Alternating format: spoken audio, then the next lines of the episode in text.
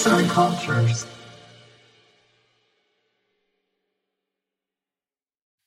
Merhaba sevgili dinleyiciler. Bu bölümde sizlere Jeremy Clapton'in yönetmenliğini yaptığı I Lost My Body filminin incelemesinden bahsedeceğim. Bedenimi kaybettim. I Lost My Body 2019 yapımı bir Fransız animasyon filmidir. Jeremy Clapton'in ilk uzun metrajı olan film, Annecy Uluslararası Animasyon Film Festivali'nde en iyi film ve izleyici ödülünü almıştır. Film, Naufel isimli bir çocuğun hayatını farklı açılardan anlatır.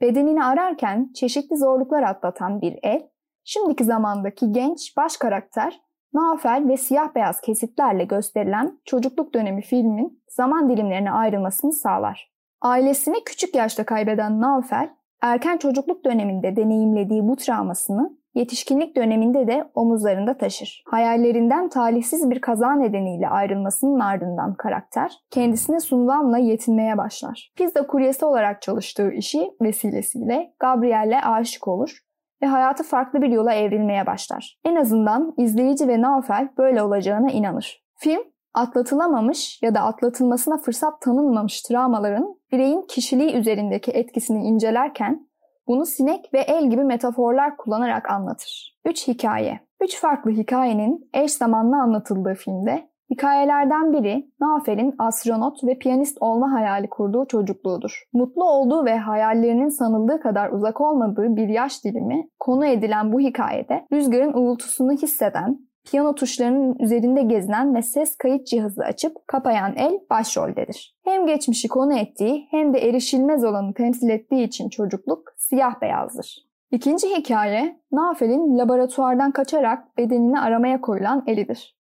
El yol boyunca kendisine ulaşabilmek için çeşitli pürüzler atlatır. Yabancı ellerin çaldığı bir piyanonun hayaline kapılır, temasa ihtiyacı olan bir bebeğin elinden tutar ve bu süreç boyunca siyah beyaz hayallerinden destek alır.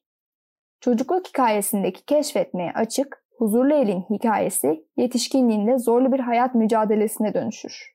Başlı başına bir metafor olarak kullanılan el, Nafer'in travması, geçmişi ve değiştirilemez olduğu düşünülen kaderiyle bağlantılıdır.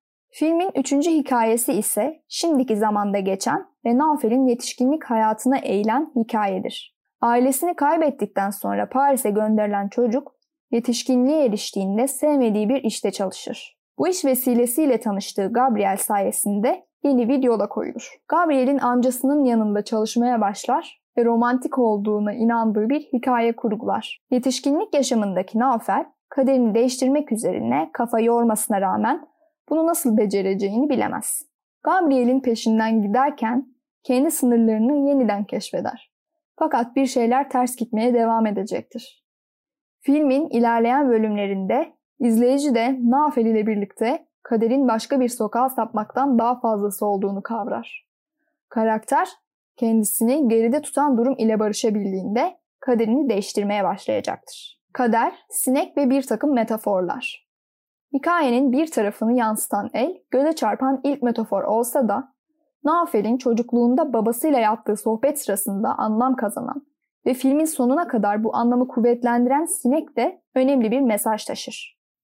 Babası sineğin bir adım önünde olmak, onu gidebileceği yeri hedef almak yoluyla onu yakalayabileceğini söyler Naufel'e. Kader'in bir adım önüne geçmek ve sineği yakalamak arasında kurulan basit analoji filmin tamamına yayılır ve Naufel'in karakterini ve davranışlarını açıklamaya yardımcı olur. Elinin kesildiği sahnede de Naufel sineğin peşine düşmüş, babasının kol saatinden ötürü elini kesilmekten kurtaramamıştır. Sinek metaforik olarak kader ile ilişkilendirildiğinde onu yakalamak kaderin önüne geçmektir. Kazanın yaşandığı sahnede Naufel, sineği yakalamasına rağmen geçmişin hatırasını taşıyan saat nedeniyle kendisinden bir parça kaybeder. El her ne kadar sahibini bulacak olsa da eskisi gibi yerine oturamayacaktır. Bir travma ile başlayan yaşam öyküsü karakterin geçmişle kurduğu özlem dolu ve bir o kadar da melankolik bağ ile birlikte anlatımın tümüne yayılır. Nafel, geçmişinden silemeyeceği, bugününü etkileyen ve geleceğini çoktan belirlemiş olan bu travmayı yaşamı boyunca taşır. Ailesini kaybetmesinin ardından hayalleriyle vedalaşıp kendisine sunulanla yetinmek zorunda kalışı kaderini belirleme temasıyla birebir örtüşür. Kaderini farklı bir yöne çevirme çabası ise Gabriel'le konuşmasıyla başlar.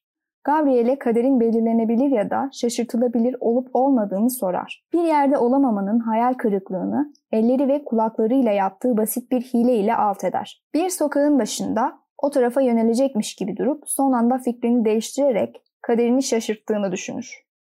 Bu noktadaki çıkmaz ise kaderin belki de hali hazırda bu yönde ilerleyeceği ihtimalinin olmasıdır. Kişi kaderine çelme taktığını hissettiği anda kendisini yönlendirenin yine kaderi olup olmadığından habersizdir. Normalde yapmayacağını söylediği eylem kişinin potansiyelinde var olan ve itki gücü bulabildiğinde ortaya çıkabilen bir durum olabilir. Film bu noktada travmanın etki alanını vurgular. Çözülme. Kalabalık şehirde oradan oraya savrulan elin devam etmek için güç aldığı şeyler yıllar önce düşlediği, idealindeki geleceğinin bir parçası olan astronot ve piyanist Naufel'dir. El, geçmişte yaşar ve onun gücüyle ayakta kalır. Bedenine döndüğünde de yapmak istediği bu geçmişi yaşatmaktır. Naufel'in kırılma noktası sayılabilecek, geçmişi simgeleyen elin artık olmayışı onun travmasından kurtulmasıyla ilişkilendirilebilir. Film, temelde geçmişinin hüzünlü sahnelerini gözünün önünden atamayan fakat bunu geride bırakmak için çabalayan bir karakteri konu alır. Filme göre kişi kaderini kendi kontrolü olmayan olayların tesirinden kurtararak ve bunlarla barışarak belirleyebilir. Son sahnede Naufel ailesini kaybettiği yolculuğun ses kaydını dinler ve üzerine yeni bir kayıt alır. Şehrin tepesinde uğuldayan rüzgarın sesini kaydeder ve öne doğru atılır. Kaderine yön verme yolu olarak değiştiremeyeceği geçmişini kabullenmeyi seçmiştir. Aynı sahne içerisinde ses kaydını duyan Naufel'in eli ise geçmişi temsil eden bir unsur olarak geri çekilir. Naufel hayatının kontrolünü geçmişin değil, şimdinin ışığında geri kazanmıştır. Yazan Melin Durmaz, seslendiren Nimet Arslan